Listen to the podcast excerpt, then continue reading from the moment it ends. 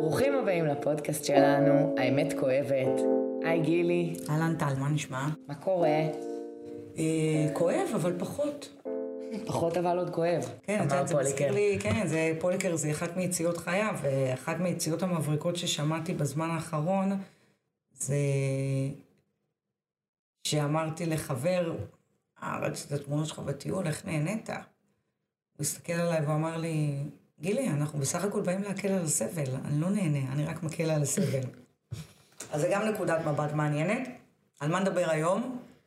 היום חשבתי ככה שאולי אה, נספר למאזינים שלנו איך אה, להקל על עצמם אה, בניהול אירועי החיים, התגובות שלהם בעצם.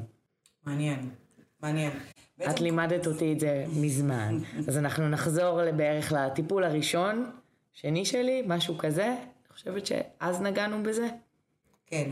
אני חושבת שעל מה שאנחנו מדברים זה איזושהי משוואה שהיא מאוד בסיסית, שמי שמכיר את, אה, את השיטה שנקראת עין הבדולח, אז אחד מהמשוואות הכי בסיסיות שבונות אותה. למעשה מה שאנחנו אומרים פה זה שעל אירועי החיים אין לנו יכולת שליטה. עכשיו אפשר להתווכח על זה דרך אגב. זאת אומרת, יש אנשים שישר אומרים, אה, אוקיי, אבל אני מתכנן דברים, בטח שיש לי שליטה. אז, אז אני אסתייג פה ואני אגיד, נכון, אנחנו אמורים לתכנן דברים, ו... אבל אין לנו שום יכולת שליטה אם זה קורה או לא קורה.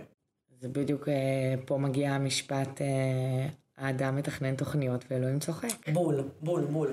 אז אנחנו נגיד שגם אין לנו יכולת שליטה על האירועים, ונוסיף על זה ונגיד, ודרך אגב, אם מישהו מתווכח איתך על זה, השאלה המנצחת זה לשאול אותו, תגיד, אתה יודע להגיד מה תחשוב עוד שתי דקות? מעניין, אף אחד לא יודע להגיד מה הוא יחשוב עוד שתי דקות. מעניין מאוד. אוקיי. אז אנחנו אומרים שהאירוע, לא, אירועי החיים הם לא בשליטה שלנו. יותר מזה, אנחנו אומרים שאירועי החיים הם ניטרליים. מסכימה או לא? מסכימה.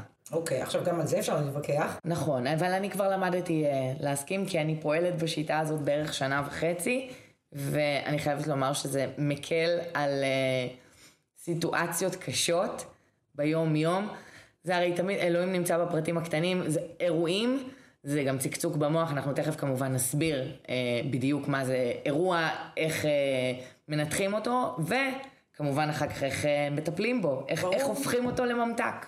כי בעצם מה קורה? מה, מה, מה קורה בחיים? הח, החיים הם רצף של אירוע ועוד אירוע ועוד אירוע ועוד אירוע. נכון? נכון. זה מה שקורה לנו בעצם. בסוף מה שנשאר לך זה איזה סוג של חוויה.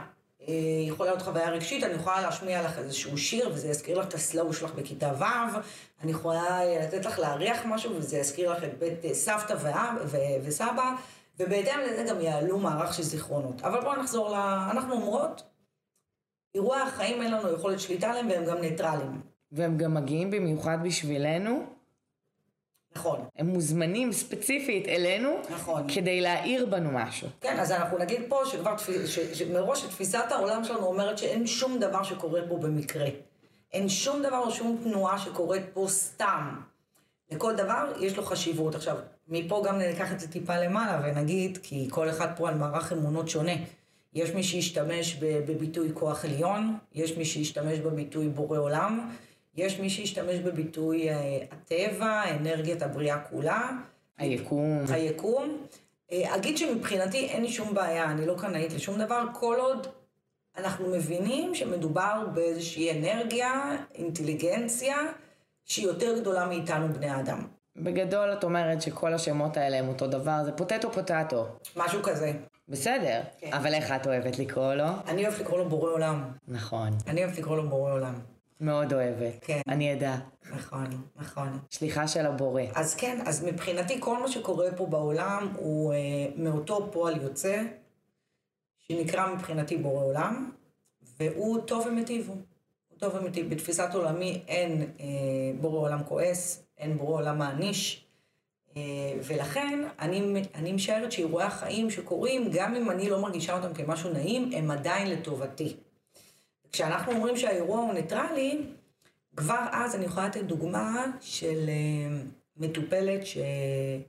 שהצגתי לה את המשוואה, וכבר האירוע הוא ניטרלי הכעיס אותה מאוד, והיא שיתפה אותי שהיא בדיוק חזרה במסגרת תפקידה מהפזורה הבדואית בדרום, אה, בעקבות רצח של ילדה בת 15. אוי ואבוי. כן, משהו שקשור לכבוד המשפחה. הבנתי אותה, היא הייתה מאוד נסערת, אבל כדי להדגיש את, ה... את, ה... את הנכונות של הדבר שהצגתי, הצעתי לה שנעלה שתינו לאוטו וניסע עכשיו לפזורה הבדואית בדרום ונשב עם האימא של הילדה או הסבתא של הילדה ונשאל אותה האם זה טוב או לא טוב, או האם זה נכון או לא נכון. ואז היא הבינה, היא הבינה אותי, היא הבינה שזה משהו שהוא נורא תלוי תרבות, שבמקום אחד יכול להצטייר כטוב ובמקום אחר יכול להצטייר כרע. עכשיו, אין פה דיכוטומיה, דרך אגב, זה, זה אנחנו עוד מתפלפלות, אבל אני אגיד עוד איזה מחקר מהמם. שקראתי לפני שנים, שהציגו דילמה לאימהות. מישהו צריך למות, או הבן שלך או אבא שלך. תבחרי. הקבוצה של האימהות הערביות בחרו בצורה גורפת במי? במות הבן שלהם, בבחירת האבא שלהם, כבוד המשפחה הוא מעל הכל. האימהות היהודיות בחרו בבן. אבא שלי מת, הבן שלי נשאר. מי אומר מה נכון או לא, מה לא נכון? אז אפשר להסכים שהאירוע הוא תמיד ניטרלי וגם לא בשליטה שלנו? כן, preaching to the choir, אני, מה... אני מהמאמינים. את מהמאמינים, ברור, אבל אנחנו רוצים לאתגר גם את המוחות של הפחות כאלה. לא כולם מאמינים וזה בסדר. בסדר. אבל מה קורה? קורה אירוע, ואז מה קורה? התגובה שלנו. מעולה. איזה תגובות יש לנו, טלטל? זוכרת? בוא, בואי אה, נגיד שבכלל, אם האירוע הוא ניטרלי ויש... כל עוד אין לנו תגובה... זה לא נחשב אירוע. בדיוק. Mm, יפה, אהב. כי לא, גם את זה לא אמרנו להם, אז uh, כדאי... Uh, רגע. אז, אז, אז בוא נגדיר, אירוע הוא כל מקרה שמתעורר בי משהו שלילי, אוקיי? מרמת אני... הצקצוק כן. עד רמת הווליום גבוה. אז בוא נפרט את זה. קורה אירוע יש תגובה, תגובה יכולה להיות בכמה רמות. יש את התגובה המחשבתית. אוקיי, קורה אירוע ועולה לי מחשבה. המחשבה הזאת, אם היא נשארת, היא גורמת לתגובה ממש רגשית, מתפתח בי רגש בגוף. התגובה הזאת, אם היא נשארת, היא ממש יורדת לרמה פיזית. זאת אומרת, יש אנשים שממש את רואה אותם מסמיקים, או הרגל קופצת להם, או שהם זזים במקום. כל אלה, כל הרמות האלה של התגובה, בין אם היא מחשבתית, רגשית או פיזית, יכולות להתרגם לפעולה ממשית, בין אם אני אגיד משהו, אלך משם, אצעק, לא אצעק, אוקיי? עכשיו בוא נגיד משהו שהוא עוד יותר מעניין. אנחנו אומרות, אירועי החיים הם ניטרליים ואין לנו תגובה עליהם. מפה יש לנו בעצם איזושהי תגובה, נכון? נכון. אוקיי. פה בעצם יש לנו את הבחירה, איך להגיב. בואי נדבר על זה, כי חופש הבחירה פה הוא נקודה חשובה. בעצם אנחנו אומרות, על האירוע אין לנו בחירה, הוא קרה, לא בשליטה שלנו. נכון. אני מוסיפה ואומרת שגם על התגובה האינסטינקטיבית, יפה, הראשונית, אין לנו שליטה. אין, אני תלמידה מחוננת. מצטיינת גם. עכשיו, אם פה אין לי שליטה ופה אין לי שליטה, איפה מתחיל המשחק? ברגע של הבחירה. נכון. איפה, איך אני מגיב. נכון. האם אני מזדהה עם מה שעלה לי אוטומטית? כן או לא.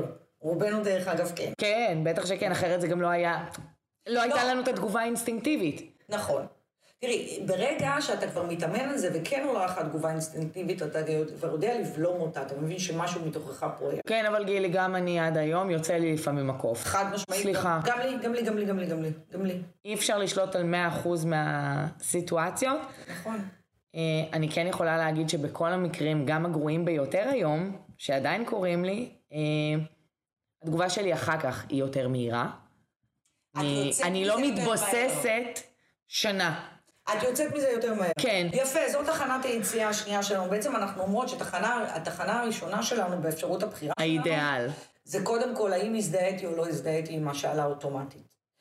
נניח והזדהיתי, שזה רובנו, תחנת יציאה כמה זמן היית במקום הזה, כי יש הבדל מהותי. האם אני מסתובב בתחושה של קורבן, דפקו, דפקו אותי, אה, אכלו לי, שתו לי, כולם לא בסדר. האם אני מסתובב בתדר הזה, הכועס, הפגוע, הנעלב, שעה, שבוע, ויש אנשים שאני יכולה לשאול אותם בקליניקה, הם סיפרו לי בהתלהבות על אירוע, ואני שואל אותם, מתי זה קרה?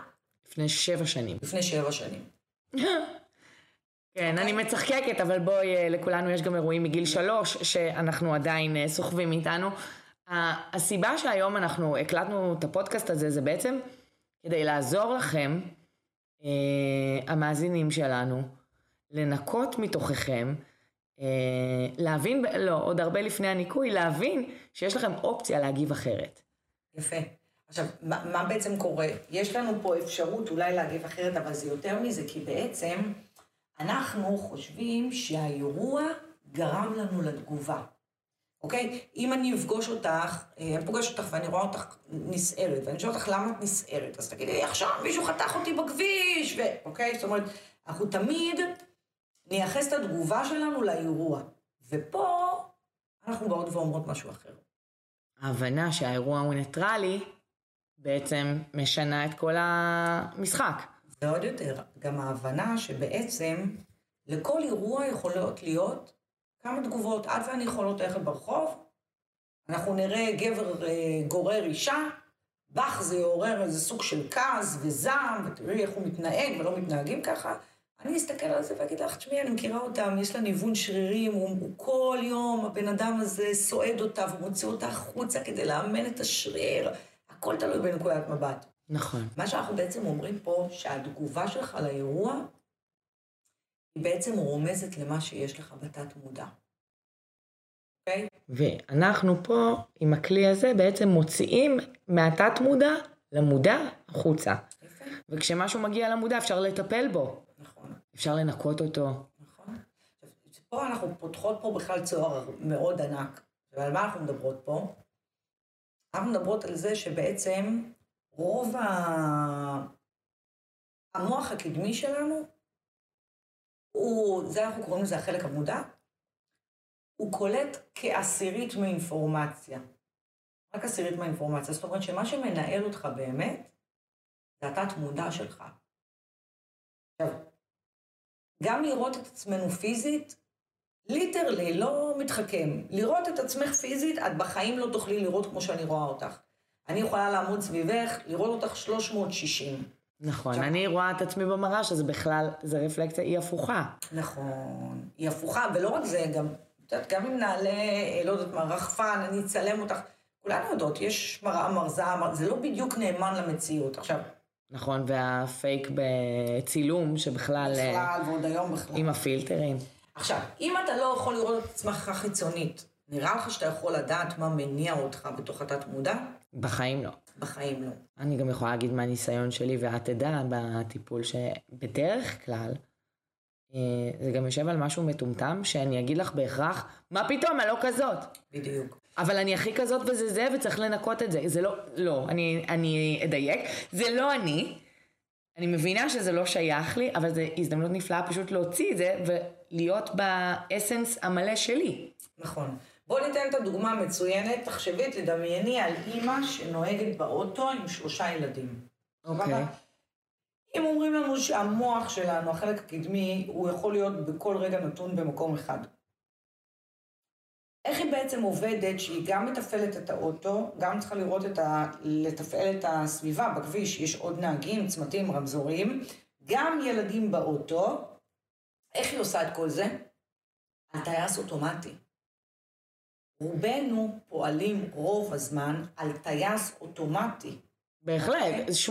80% מהפעולות שאנחנו עושים, עזבי את ה-10% שהמודע קולט, 80% מהפעולות בכלל שהמוח המטורף שלנו, אה, 80% זה התת מודע.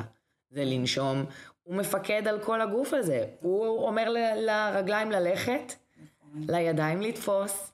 בוא נגיד, אף אחת מאיתנו לא אה, מפקחת על אה, תפקודי הכליות והכבד ולא נותנת הוראות לאף אחד. יש פה איזושהי אנרגיה שעובדת. כל הזמן, גם כשאנחנו ישנים. בדיוק. הוא תמיד עובד. בדיוק. הוא היחידי גם שעובד 24-7 כשאנחנו ישנים. נכון, נכון, נכון. הוא אחראי על החלומות. בדיוק. איך אנחנו נדע בעצם מה יש לנו בתת מודע? אם אומרים לנו שהמציאות היא בעצם פועל יוצא של מה שיש לנו בתת מודע, וזה כל מה שראינו, שמענו, הרגשנו, הערכנו, נחשפנו אליו, מהרגע שהגענו לפה, מהרגע שנולדנו, וזה גם בהנחה שהגענו לפה טבולה ראסה, שזה בכלל פוסט אחר, פודקאסט אחר, ולדבר כאילו האם הנשמה הגיעה לפה טבולה ראסה. אבל נניח שכן. מה קורה, על מה מבוססת כל הפסיכולוגיה והפסיכואנליזה? על הרציונל שבשנים הראשונות יש שם חוויות למידה, אוקיי? Mm-hmm. יש חוויות למידה. עכשיו, חוויית למידה מתבצעת פעם אחת. את לא עולה כל פעם לאוטו ואת לומדת לנהוג, אוי ואבוי אם כן, יש, את לא לומדת כל יום לצחצח שיניים. לא. יש פעולות שאתה לומד אותן פעם אחת, והן נרשמות. אבל מה שקורה זה שהרבה מהמסקנות שנרשמו באותם גילאים, יש כל מיני תיאוריות. יש תיאוריה שאומרת שהחיים שלנו כולם הם היו מגיל 0 עד 10, ובעצם כל הזמן אנחנו משחזרים את אותם אירועים. אה, לדעתי בפסיכולוגיה זה עד גיל 6 או 7, כאילו נצרבות שם כל האמונות. אז תחשבי, יש, יש אמונות כמו אה, תינוק שזוחל בגיל שנה וחצי והוא רואה כוס עם נוזל ויש עדים, אז יגידו, הוא ייגע פעם אחת ואח, מים רותחים. שמה מסקנת חיים, אוקיי? זה יהיה חכם לא לגעת במים רותחים בהמשך בחיים. אבל הבעיה של זה, שאת יכולה למצוא את עצמך בתור בן אדם בוגר, מגיבה לסיטואציות ואומרת, מה זה? הגבתי כמו ילדה קטנה, מי זאת הגיבה? Hmm. זאת אומרת, המסקנות שהסקנו אז עדיין מנהלות אותנו היום. כדי להבין איזה מסקנות בכלל יש לנו בתת מודע, אנחנו אומרות דבר פשוט, אנחנו אומרות לא צריך אפילו לפתוח פרופיל פסיכולוגי. בוא תסתכל על אירועי החיים שלך היום. אירועי החיים שלך היום הם פועל יוצא של מה שיש לך בתת מודע. אם במקום וזה מה שרובנו עושים, זה מה שאני עשיתי עד לפני כמה שנים. קרה משהו, הגבתי לו. קרה משהו, הגבתי לו. קרה משהו, הגבתי לו. אבל אז אתה לא מגיע לשום מקום בחיים, אתה כל הזמן... נורא מעייף. זה גם נורא מעייף. זה נורא מעייף. נורא מעייף. אבל אם אתה מבין שכל אירוע שקורה לך בחיים, בדגש על האירועים שאתה חווה משהו שלילי, כי פה נגיד משהו, האירועים שטובים לך הם לא עניין. מה שעובד לך, עובד לך. מה שטוב לך בחיים, עובד וטוב, אין מה להיתקע עליו. דווקא העבודה היא במקומות שיש לי אירועים שהם סמי שליליים. או שליליים. כן, אני כאילו בכוונה נראית... אה, אבל, אבל ככה זה, בן אדם לא זז כשנוח לו. זהו. זהו. בן אדם זז כשלא נוח לו, מה, מה קורה לך? אתה זז באי נוחות. נכון. זה בדיוק זה. עכשיו, פה אנחנו רוצות להוסיף שבעצם הכלי שאנחנו בעצם מציעות, או הגישה שאנחנו בעצם מציעות, היא בלקיחת אחריות מלאה לחיים שלך, והיא נעשית כשיש אפס אשמים. וזה בהמשך לפרק הקודם, שבאמת דיברנו על ההבדל, אה, ככה נגענו בקטנה, על ההבדל בין אשמה ללקיחת אחריות, mm-hmm. שאני באתי ואמרתי לך שהקרון הוא מתנה ואני הבאתי אותו על עצמי. נכון. ופשוט הסברתי, את יודעת בדיוק מה המשמעות עבורי, אבל זה היה חשוב נורא להעביר את זה החוצה, כי אני באמת חושבת שיש, אה, שאתה שומע דבר כזה ואתה לא מכיר אה, את עולמות התוכן שאנחנו מגיעות מהם היום, אז בן אדם שומע דבר כזה, זה מעורר אנטגוניזם, ובא לך לפעמים להרביץ לבן אדם שאומר דבר כזה. נכון. נגיד, אמרתי פעם, פעם, לא מזמן שהייתה לי התלקחות, אמרתי לרופא, לגסטרו שלי, אה, בסדר, הבנתי מה עשיתי, אני יודעת שאני uh, הבאתי את ההתקף הזה חזרה. מה פתאום, טל, את לא הבאת את זה על עצמך, בחיים אל תגידי דבר כזה. מסכן, הוא נעלב בשמי. אמרתי לו, לא, תקשיב, אני רק לוקחת אחריות. אני לא מאשימה את עצמי בשום צורה. מהמם. אז, אז, וזאת העבודה. כי ברגע שיש עוד אשמים בחוץ, אז מישהו גם שולט לי על הסיטואציות ועל החיים. אנחנו דיברנו על ההבדל בין אחריות לאשמה, כי בעצם יש משהו מאוד קשה להגיד לבן אדם שחולה פיזית. או לחילופין, אנחנו נגיד שמבחינתי אה, אה, להיות חולה, או להיות אה, עני, או לסבול... מישהו שלא טוב לו. ההגדרה אצלנו לחולי זה מישהו שלא טוב לו. כל אחד, הקשת כל כך רחבה. נכון. אבל בתכלס אנחנו רוצות לעזור לאנשים לחיות חיים טובים יותר. נכון. זה well-being. חיים טובים ובריאים יותר, ולהשיג, אם אתה כבר רוצה להשיג איזה סוג של שליטה על המציאות שלך, הדבר הראשון שאתה צריך לעשות זה לקחת אחריות. הדבר הראשון שאתה צריך לקחת זה לקיחת אחריות ולהבין שמה שקורה במציאות שלך, אתה לא אשם בזה, אבל אתה אחראי לזה. נכון. ואם אתה רוצה לשנות את זה, הפעולות לא יכולות להיות חיצוניות, הפעולות חייבות, הפעולות חייבות להיות פנימיות. שזה, שזה אומר שאת כל הזיכרונות ואת מסקנות החיים שהשגת בילדות, יש מצב שאתה צריך לנקות אותם, כי הן לא נכונות. עכשיו, כדי לדעת לשחק את המשחק, אנחנו מציגות את המשוואה הזאת. אוקיי? הכלי הזה. את הכלי הזה, שבעצם אומר, נתקלתי באירוע שעורר בי רגע שלילי, אוקיי? או מחשבה שלילית, אוקיי? אז יש את האוטומט. אני אגיב לו, ואני אגיד כמה זה לא בסדר, ואני אנסה לתקן את זה, או שאני אה, אכעס, או שאני אנקום, לא משנה, יש מנעד רחב. ויש העניין שאני אעצור רגע, ואני אזכיר לעצמי, מי עושה את האירועים האלה, זה אותו מקור. למה הוא עושה את האירועים האלה לטובתי? ואז אני אתחיל לחפש את ההטבה, אוקיי? מה יוצא לי מזה? הרי אנחנו אגואיסטים בסוף. מאוד אגואיסטים. מה יוצא לי מזה? מאוד אגואיסטים. ואז אנחנו מגלים כאילו המון המון המון דברים על עצמנו, אוקיי? שיש לנו תפיסות עולם על הכל, יש לנו זיכרונות על הכל, יש לנו... זה גם דבר נורא שאפשר להגיד, אנחנו בעצם פועל יוצא של כל הסביבה.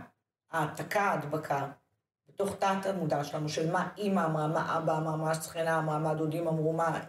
שכל הדבר הזה, וכדי להגיע לאיזושהי שליטה במציאות שלנו, השגה מינימלית של שליטה במציאות שלנו, אנחנו אמורים להבין שמה שמשתקף לנו זה כמו הקרנה של התת-מודע שלנו.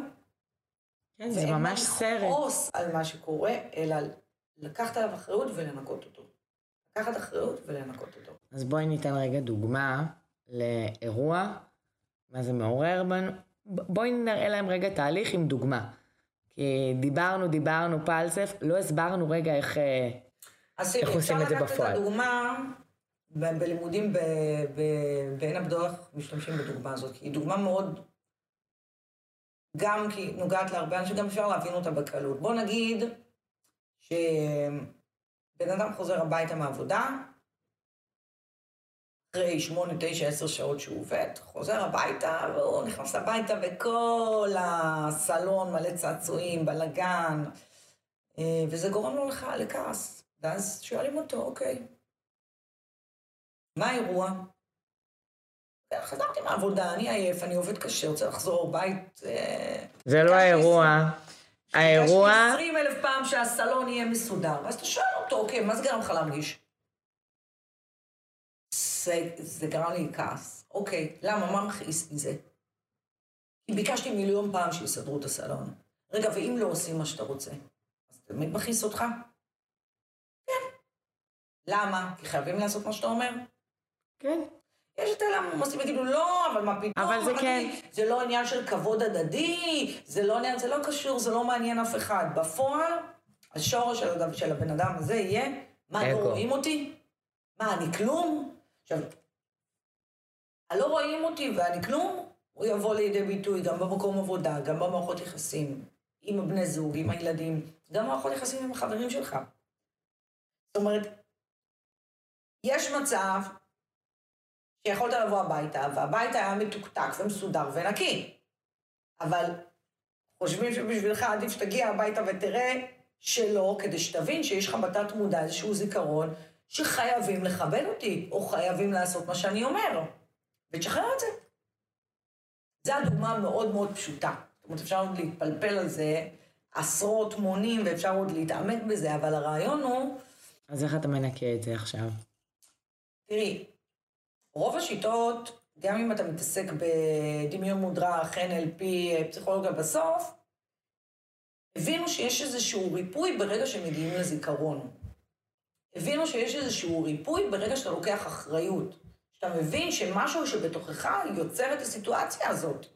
וזה יכול להיות קונפליקט מאוד גמור, כי מה בתוכי אחרי עשר שעות עבודה, אני באה הביתה ואני רוצה את הסלון מסודר, מה בתוכי יוצר את הבלאגן הזה? זה מעצבן. רווח משני. יפה. לחפור, למצוא אותו. הוא 99 אחוז מאוד מכוער. נכון. מאוד מכוער, ואנחנו ב...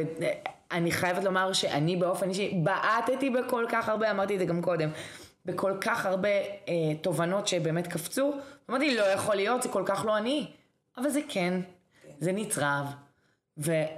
וההבנה הזאת, ולהודות בזה, אני חושבת שזה מה שבסופו של דבר יכול אה, באמת לרוקן ול...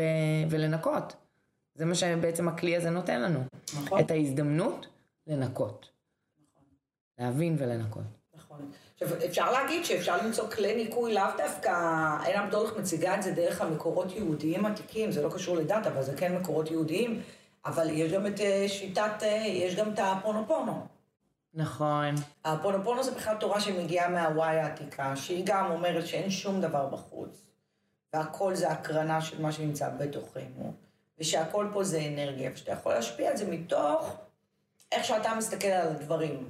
תהליך הניקוי שלנו הוא מאוד קל, הוא מורכב מארבעה משפטים. אה, זה אני, אני מצטערת, אנא סלח לי, אני אוהבת אותך, ותודה. ש, שאם את מסתכלת על ארבעה המשפטים האלה, הם טומנים בעצם את כל התהליך הניקוי. זאת אומרת, יש פה איזושהי לקיחת אחריות, אני מצטערת, אני לוקחת אחריות על הדבר, אני מצטערת שהאירוע הזה קורה לי, או שהתפקוד של הדבר הוא כזה לקוי, לוקחת את זה אחריות. סליחה, סליחה שזה מה שאני חושבת על עצמי, שזה מה שאני מזמנת לעצמי לחיים. אה, אני אוהבת אותך או אותך, זה לדבר או לנשמה שלך, או לבורא עולם, או לאני לעליון. או אבל- אפילו לחפץ, נגיד, אני- יכולה לתת דוגמה שעשיתי את זה עם החשבון בנק שלי. נכון, אפשר לעשות את זה על חפצים, אני. כל הזמן אומרת לו, סליחה שפגעתי בך ולא התייחסתי אליך יפה, וסליחה שהבאתי אותך למינוס. זה, זה לא מכבד אותך, ואני מבטיחה שאני מעכשיו מכבדת אותך ואוהבת אותך, ואני אעניק לך, ואני רואה אותך עם הרבה יותר, ואתה בפלוס, ואתה בשפע. כן. וזה משפר אותו. נכון, נכון. כי לכל דבר יש תדר אנרגטי. נכון. עכשיו, יש הבדל, כאילו, באיך שאנחנו פועלים מול אנשים, או איך אנחנו פועלים מול חפצים, אבל הר- הרציונל הוא, זה לקיחת אחריות. עכשיו, נסתייג ונגיד, זה לא אומר שאתה חייב להסכים עם כל מה שקורה בחוץ, אוקיי? ברור שלא. ברור שלא. זאת אומרת, אנחנו לא חיים בתוך איזושהי בועה שאני אראה ילד רץ לכביש, אני לא אגיד לעצמי, מה בתוכי גורם לדבר הזה, אני ארוץ לכביש ואני אוציא את הילד. ואם את רבה עם מישהו, זה, זה גם בסדר לכעוס. זאת אומרת, אנשים לפעמים מכעיסים אותנו, וזה בסדר, זה הגיוני, זה לגיטימי, זו תחושה שהיא ממש סבבה. כאילו, היא אנושית. אבל אסור להעביר את הכעס הזה לזעם. זה, זה השלב הזה, זאת אומרת, מה שאני מנסה לומר פה בעצם זה שאתה לא צריך לסלוח לכל העולם ולחשוב שהם בסדר והכל מהמם. לא, רק תיקח לבפנים, תסתכל מה, מה ממך הוא כזה, מה בך מביא את זה. אמ, ובסופו של דבר, באמת של התכלס, אם הבן אדם עצבן אותך, אתה לא חייב לדבר איתו אחרי זה. לא, זה גם יותר מזה, דיברת על העניין של ה... תראי, לכעס יצא שם רע. נכון. אבל, אבל במהות, כעס נו- נוצר אצל בני אדם כדי למנוע מאחרים להשתלט עליי. זה היה יותר נכון לתקופת האדם הקדמון, כי אז בן אדם היה מתמודד מול חיות, הוא היה צריך את הזעם, את הכעס, לעמוד מול החיה כדי למנוע ממנה. אבל היום זה, זה אשתך, או בעלך, או המנהל בנק, אף אחד לא באמת רוצה לאכול אותך. אבל אתה מגיב מאותו מקום. ואני חושבת שכל מידה היא חייבת לעשות במידה, כי אם היא לא נעשית במידה, אז, אז היא חוטאת למטרה. זאת אומרת, יש מקום שבו אני אראה איזה סוג של כעס כלפי בן אדם אחר, ואני אמנע ממנו, אני אגיד לו, עד כאן, אוקיי? זה גבולות, גם זה אומר שאת מכבדת את עצמך. נכון, נכון. אבל בז'רגון היומיומי, במיוחד העדתי שלי, זה כאילו כעס שווה עצבים. או כעס שווה איזה כעס אך לא, לפעמים אתה יכול להגיד לבן אדם, שומע? עד כאן. זהו, ולהתקדם. נכון. כי כל מידה שתקחי אותה, אם היא יוצאת מהגבולות שלה נכון, היא, היא לא טובה. דיבור יכול להיות במקום אחד מבורך, במקום אחר הוא יכול להיות קללה, אם אני אדבר לשון הרע. שתיקה יכולה להיות במקום אחד מבורכת, במקום אחר, אם אני אראה שמאשימים מישהו שאני יודעת שזה לא היא, תהיה קללה. ולכן כל מידה חייבת לעשות במידה. נכון, כל מקרה לגופו. כל, וכל מקרה לגופו, וזה גם, אף אחד לא מבקש מאף אחד מאיתנו לא לכעוס או לא להיפגע או לא להיעלב. צריך לזכור, התגובה האוט... הראשונית שלנו היא אוטומטית, היא אינסטינקטיבית, אני לא שולטת בה. וזה אנושי. וזה אנושי, בסדר. ואם אני לא שולטת בה, זאת אומרת שזה משהו שנצרב לי בילדות. נכון. אוקיי? אם אני ראיתי את אימא שלי בתור ילדה מגיבה בהיסטריה לחדשות רעות, סביר להניח שהתגובה האוטומטית שלי לחדשות רעות, בשנייה הראשונה תהיה איזה סוג של היסטריה. התכווצות. כן, אבל אם אני בתור כבר בן אדם מודע שעושה את העבודה, אז אני אגיד לעצמי, אוקיי, שנייה, שנייה, שנייה, שנייה, שנייה, שנייה. זה קרה, זה קרה, לא יכול, לא היה לי שליטה על זה. עכשיו יש לי יכולת שליטה על הדבר. מה קורה? מי עושה לי את האירוע? מבחינתי זה תמיד בורא עולם. מבחינתי הוא תמיד לטובתי, אוקיי? כבר אני מתחילה להסתכל אחרת. כבר התגובה שלי אחרת. כבר יכול להיות שאני יכולה להבין איזשהו רמז למה שנמצא לי בתת מודע, ואז אני יכולה לנקות אותו. זה נכון. אה, אני חושבת שזה היה פרק אה, מדהים. אני חושבת שהיה פה המון דברים שיכולים לעזור mm-hmm. לאחרים. זאת המטרה. נכון. בשביל זה התכנסת. זה נכון. אבל אני חושבת שבאמת נגענו פה ב... במקומות שגם אם אתה לא הולך לטיפול, זה יכול מאוד לעזור לך. נכון. מי שרוצה לשמוע יותר, כמובן מוזמן אה, להגיע אלייך לטיפול.